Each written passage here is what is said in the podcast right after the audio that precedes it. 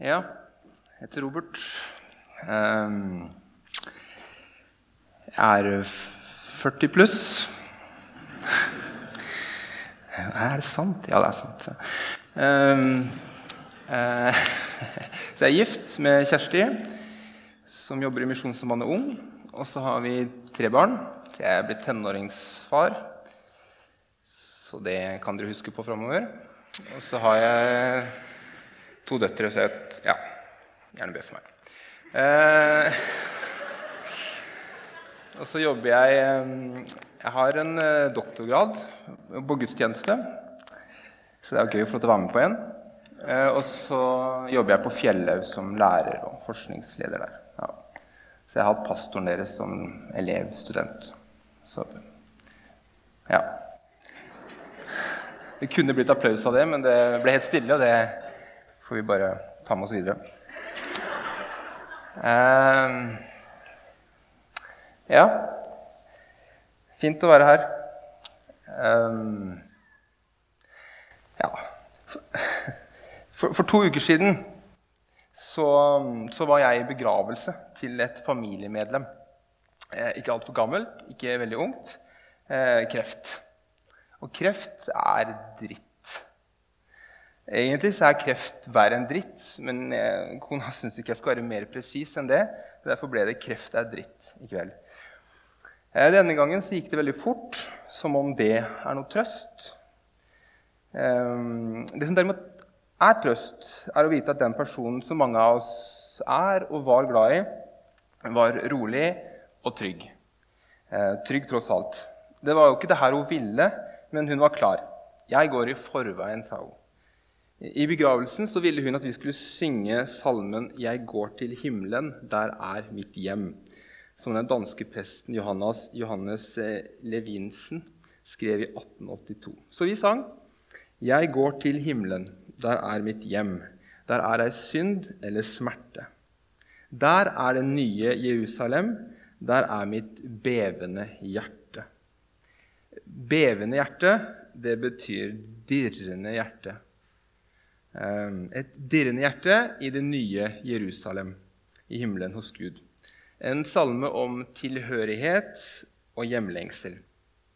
Og det er det denne andakten skal handle om. Om hjemlengsel og om å være klar. En andakt om å vente på Han som skal komme. Komme og hente oss hjem. Så vet jeg ikke hvilken, hvilke erfaringer du har med hjemlengsel. Jeg lengter lett hjem. Jeg lengter litt hjem nå.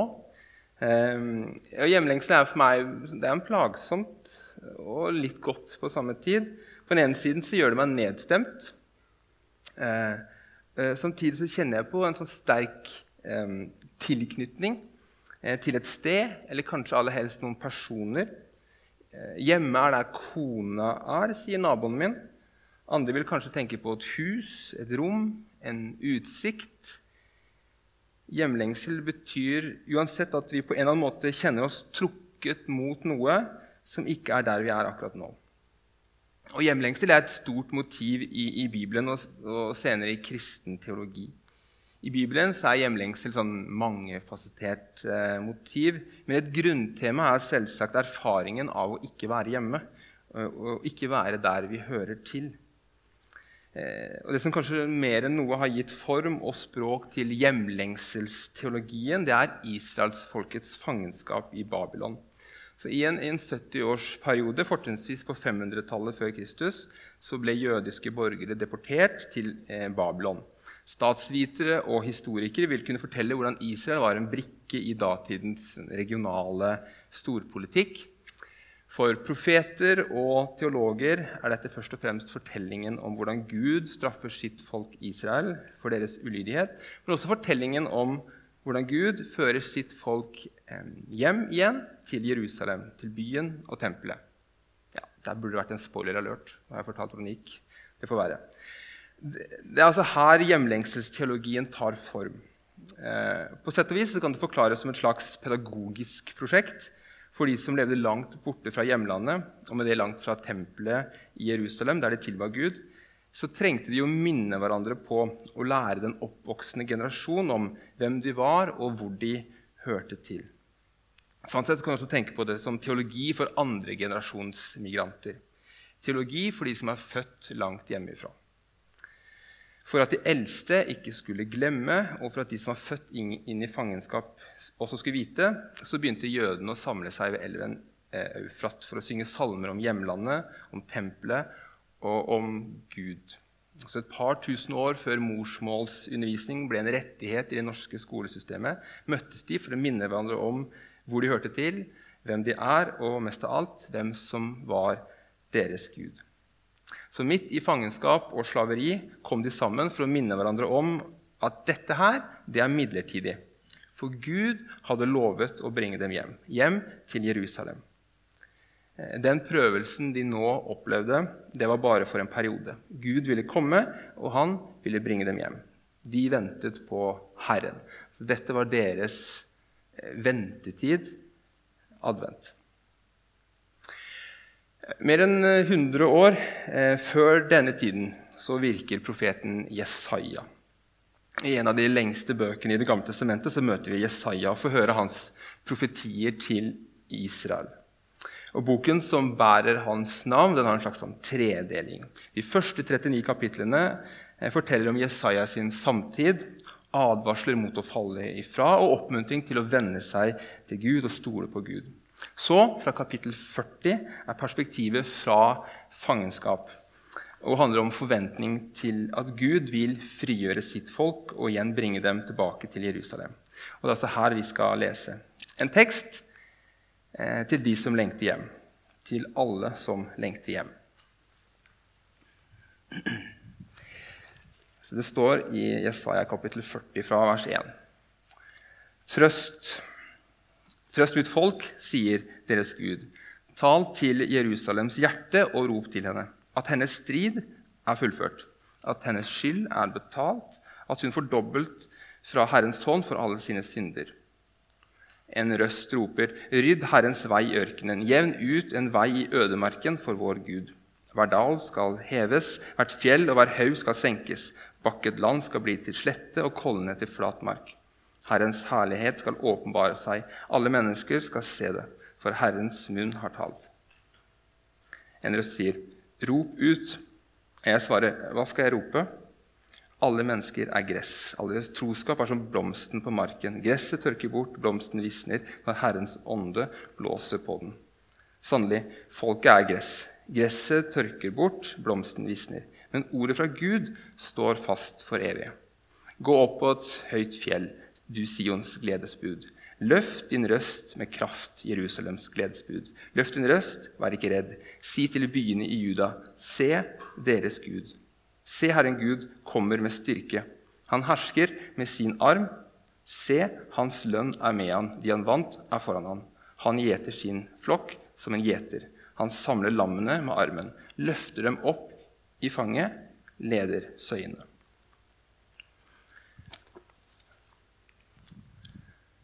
Ja, det er jo litt rart, egentlig. Som et dikt, eller ja, en sang, da. Po poetisk iallfall. Men jeg syns det er litt rart. Jeg leste for kona mi, hun syntes det var veldig rart. Med bilder som ikke alltid er selvforklarende. Så I et forsøk på å fokusere noen hovedpoeng har jeg notert meg fire verb. Fire. Ehm, fire verv til et folk eh, i eksil. Fire, fire, verv for folk med hjemlengsel. Eh, trøst, rydd, rop, se. Trøst mitt folk. Rydd vei for Herren. Rop at Guds ord står fast. Se, Herren kommer for å samle, lede og løfte opp i sitt fang. Trøst, Rydd, rop, se. Trøst. Trøst mitt folk, sier Gud, og skriver profeten. Trøst mitt folk og si at det de skylder, det vil Herren betale. Og den kampen de kjemper, har Herren vunnet. For alle de prøvelser og vanskeligheter de nå opplever, og som i teologisk forstand er selvforskyldt, den vil Herren fri sitt folk fra. Tørst, trøst, tørst si, trøst og si at skylden er betalt og striden er fullført. Ja, det er ikke bare gjort opp, eh, men det gis dobbelt igjen. Det er kvitt og dobbelt. Skylden er betalt, straffen er sonet. Det er nåde over nåde fra Herrens hånd. Så står det 'tal til Jerusalems hjerte'. Og Jeg tenker at det handler om overbevisning. Profeten skal trøste Guds folk på en slik måte at de ikke bare når hodet, slik at de i hodet skal vite at Gud har en løsning på folkets prøvelser. Profeten skal trøste urolige hjerter. Profeten er ikke bare en informasjonsmedarbeider, han er sjelesørger. Trøsten retter seg mot de urolige hjerter. Trøst for urolige hjerter. Og Omtrent her har jeg tenkt at avstanden er liten nok mellom Guds folk i det babylonske fangenskap og oss her inne. For vi er mange som har skyld vi vanskelig kan gjøre opp selv. Vi er mange som står i en kamp som vi ikke ser hvordan vi kan vinne. Vi er mange som av ulike grunner har urolige hjerter. Og Slik er det for denne verden og dette livet i en viss forstand ikke er vårt egentlige hjemland. Eh, det er ikke dette du ble skapt for eller frelst til. Da snakker jeg ikke om statsborgerskap eller nasjonalfølelse. Jeg sikter til tanken om Kirken som et folk på vandring mot sitt hjemland. De helt første kristne, de du kan lese om apostlenes gjerninger i Det nye testamentet, de første kristne beskrev seg selv som de som tilhørte veien. Et folk på vei, hjemvei. Og Sammen med dette tanken om Kirken og den kristne som en fremmed i verden. Tanken om den kristne som i verden, men ikke av verden. Den kristne eh, som en fremmed i verden. Og Den interesserte den kan se spor av dette teologiske poenget mange steder. F.eks. i det engelske ordet for kirke eller, eller, menighet, 'parish', som kommer av parokia, som betyr 'en fremmed i verden'. Kirken, de kristne, har en tilhørighet hos Gud. Vi hører til et annet sted og er nå i en viss forstand et folk i eksil. Eh, samtidig er dette vi leser om den ubetalelige skyld og den uovervinnelige kampen, aktuelt på et annet plan en beslektet med litt annen betydning. For den skyld vi ikke kan betale selv, og den kamp vi ikke kan vinne, den rører ved noe enda mer grunnleggende for oss mennesker. alle mennesker.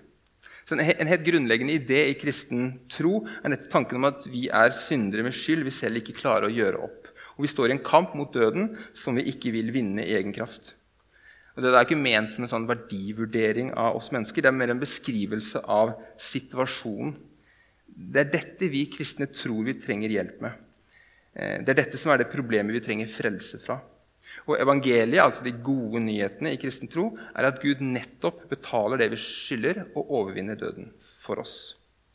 Den kristne er den som tror Herren vil redde oss ut av disse vanskelighetene, som i teologisk forstand er selvforskyldt. Kristen tro er troen på at vi mennesker har skyld vi selv ikke kan gjøre opp, og problemer vi ikke kan løse. Og kristen tro er tillit til at Jesus betaler det vi skylder, og vinner den kampen vi er i ferd med å tape. Har betalt. Har vunnet for oss. Så altså, Selv om profeten her taler inn i en forholdsvis konkret politisk situasjon, så er profetordet også en påminnelse til oss som mennesker i behov for frelse, og en oppmuntring til oss som kristne og kirke som venter på å bli ført hjem til den nye himmel og den nye jord, til det nye Jerusalem. Trøst til urolige hjerter, da og nå. Det andre verbet var rydd. Rydd Herrens vei i ørkenen. Jevn ut en vei i ødemarken for vår Gud. Og Hensikten med alle denne ryddingen forklarer profeten, er at alle mennesker skal se når Herrens herlighet åpenbarer seg. Vi rydder for at alle, der de er, skal se hvem Herren er. Der de er, og for at de skal se. Poenget med å, å rydde og jevne ut en vei i ødemarken, i ørkenen, er fordi det er der folket befinner seg. Ikke bokstavelig talt, men i en åndelig eller en teologisk forstand så er de i ødemarken. De er langt fra byen, altså Jerusalem. De er langt fra livets kilde. Ehm, ørken og Ødemark er stedet utenfor byens trygge rammer, utenfor fellesskapet. Og For israelittene er det også som bærer med seg historien om 40 år i ørkenen mellom Egypt og et lovet land, så er altså ørken stedet for prøvelser. Så altså i ødemarken.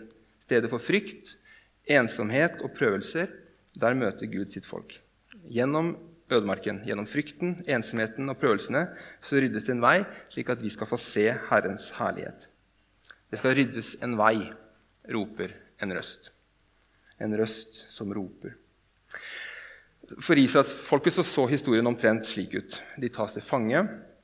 De sendes til Babylon. De blir holdt fanget til 70 år. Så slippes de fri og føres tilbake til, til landet og til byen. Så begynner gjenoppbyggingen av byen og tempelet. Og så blir det stille. Eh, det vil si, kriger kommer og går, riker kommer, og israelsfolket er stadig under okkupasjon. Men det er stille ifra Gud lenge. Og så er det en som står frem i ødemarken og forkynner at nå skjer det. Nå kommer han. Nå kommer Messias. Den røsten i ødemarken kjenner vi best som døperen Johannes. Han som forkynner og døper til omvendelse.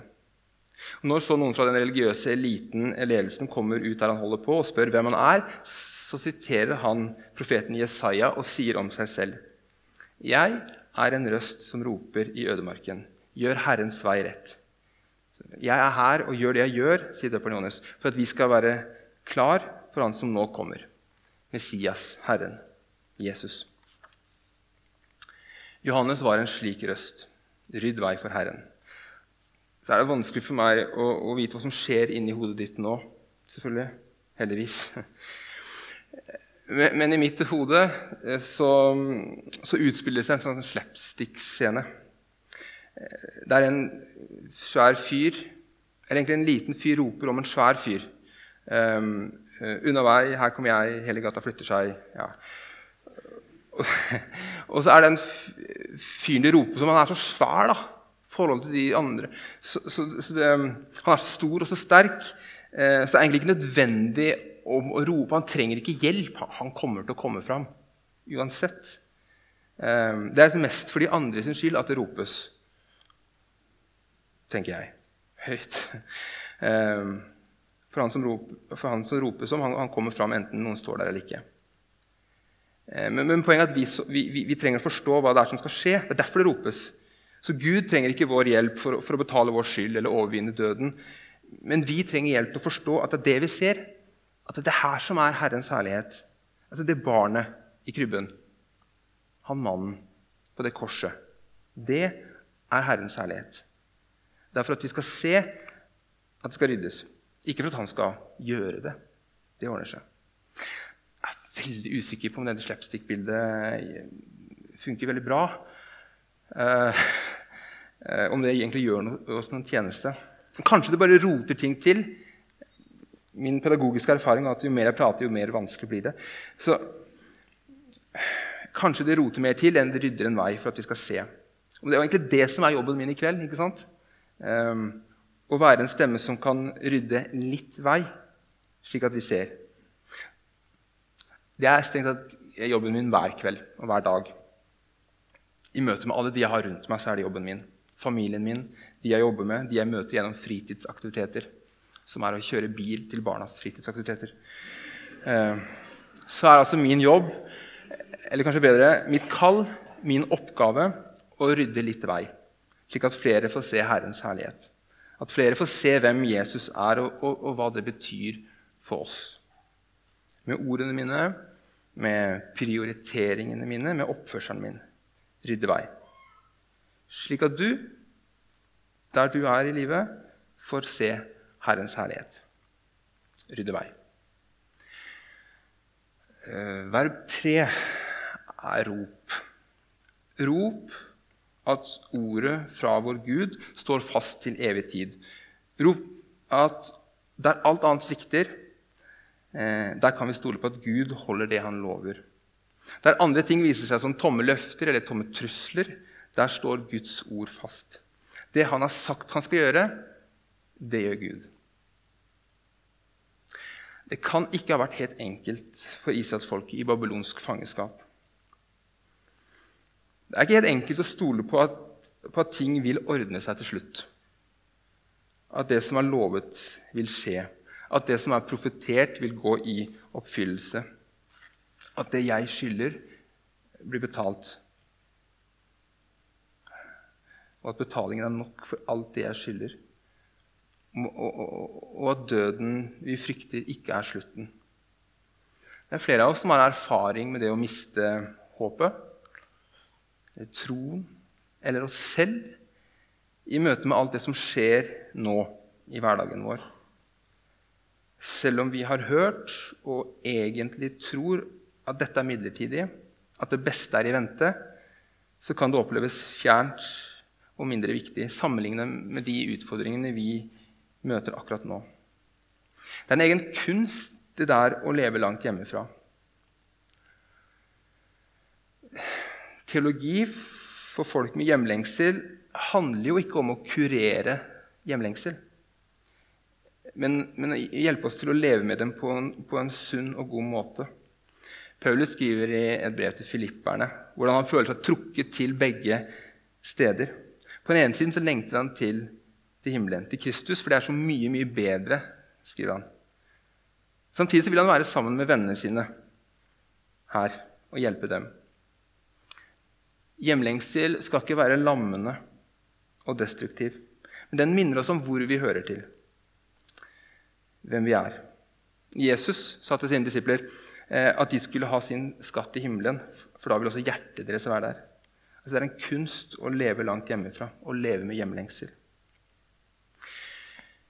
De kanskje beste forbildene i denne sammenheng, hjemlengselsteologiens troshelter, var nettopp noen av de som ble ført til fangenskap fra Israel til Babylon. Litt etter denne Jesaja-boken i Det gamle testamentet så finner vi en bok som heter Daniel. Det handler om Daniel og vennene hans. Høres ut som en pekebok. Um, og Daniel er kjent for ikke å bli spist av løvene. og Det vet jo vi mye om, vi også. Ingen her som har blitt det. I boka så leser vi hvordan Daniel og vennene hans tjente og arbeidet til det beste for landet der de var fanger, samtidig som de lengtet hjem. Um, dette er et stort tema, dette å lengte hjem. Vi kan ikke dekke alt. Dette å leve med hjemlengsel. Men det, er to ting jeg har tenkt, um, to ting fra disse fortellingene om Daniel og vennene som kan hjelpe oss til dette å leve langt hjemmefra. leve hjemmefra. Og det første er hvordan Daniel hver dag vendte seg mot Jerusalem i bønn til Gud. Som både er et fysisk uttrykk for å minne seg selv om tilhørighet eh, og en åndelig øvelse for å leve nær Gud. Jeg kjenner en del mennesker som begynner hver dag med å tegne seg med korsets tegn eh, og legge dagen frem for Gud i bønn. Korstegnene minner meg om at jeg hører Kristus til. Og bønnen kobler hverdagen min eh, med Han som gir styrke for dagen og håp for evigheten. Det er altså et praktisk råd til det å leve langt hjemmefra. Det andre er kanskje ikke like praktisk, men det handler om hvordan Daniel og vennene var kompromissløse i møte med avgudsdyrkelse. På ulike måter ble de utfordra enten til å forkaste troen på Gud eller å bøye seg for ulike former for avguder. Men vennene de lot seg ikke lure eller true. Så Greia med avguder er jo det er at de presenterer seg som avguder. Det vil være dumt. Men det er altså Guds plass i våre liv eh, de er ute etter. Ikke gi dem den plassen. La Gud være Gud i livet ditt. Jeg burde ha ropt det. Men det passer ikke til karakteren. Ropt at Gud er den eneste sanne Gud, og at Guds ord står fast til evig tid. Det fjerde og, og siste verbet til et folk som lengter hjem, er se. Se deres Gud. Se, Herren kommer med styrke og samler alle sine. Se, han leder oss som han har vunnet, og han løfter oss opp i fanget, tett til seg hos Gud. Oppfordringen til å se har noe forventningsfullt over seg. Eh, og det gir forventningen en retning. Det liksom peker ut hvor er, vi, hvor er det vi kan ha forventning til. Hvor skal vi vende blikket med forventning? Se deres Gud, står det i Jesaja-boken. Se Guds lam som bærer bort verdens synd, sa døperen Johannes da han fikk øye på Jesus. Døperen Johannes. Johannes med fingeren. Johannes som i kirkekunsten fremstilles med en stor pekefinger fordi han først og fremst huskes fordi han pekte oppmerksomheten videre til han som skulle komme, til han som ville vinne. Se Guds lam. Se deres Gud. Det fjerde verbet til et folk som lengter hjem, det minner meg om eh, Helge Torvund sin diktstrofe. Lyset du treng, finst. Kjøleskap og magnet, typisk. Lyset du treng, finst. Jesaja-bokens oppfordring til å vende blikket mot Gud handler om håp. Herren er mitt håp. Med Herren er det håp. Det er her vi burde avslutte. For når jeg har snakka dere i kveld, så har jeg snakket om verb, om ting å gjøre. Men hjemlengselsteologi handler ikke først og fremst om det vi gjør eller kan eller bør gjøre. Så Grunnfjellet i hjemlengselsteologien er forventningen til Han som skal komme igjen. At Han skal bringe oss hjem. Det er der håpet fins. Det er mot Han vi må se. Det er Jesus vi venter på. Jeg tror Det får bli min oppfordring, oppmuntring, ved inngangen til advent. Se på det Jesus har gjort. På hans seier over døden, på hans løfte om å gå med oss alle dager inntil verdens ende. Alle slags dager. Så har jeg snakka om fangenskap og urolige hjerter, utenforskap, frykt og prøvelser som sånn felles erfaringer, som noe vi alle vet litt om. Men det er jo ikke slik at dette fordeles jevnt utover.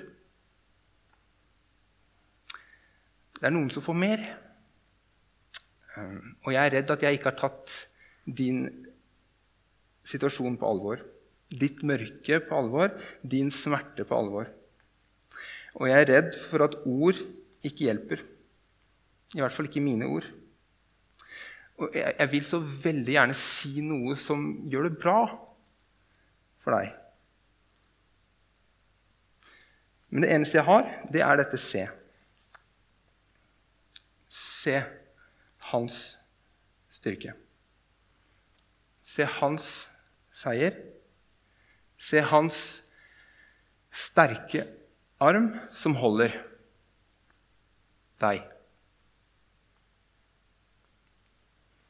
Og fører oss til seg, til sitt fang. God advent.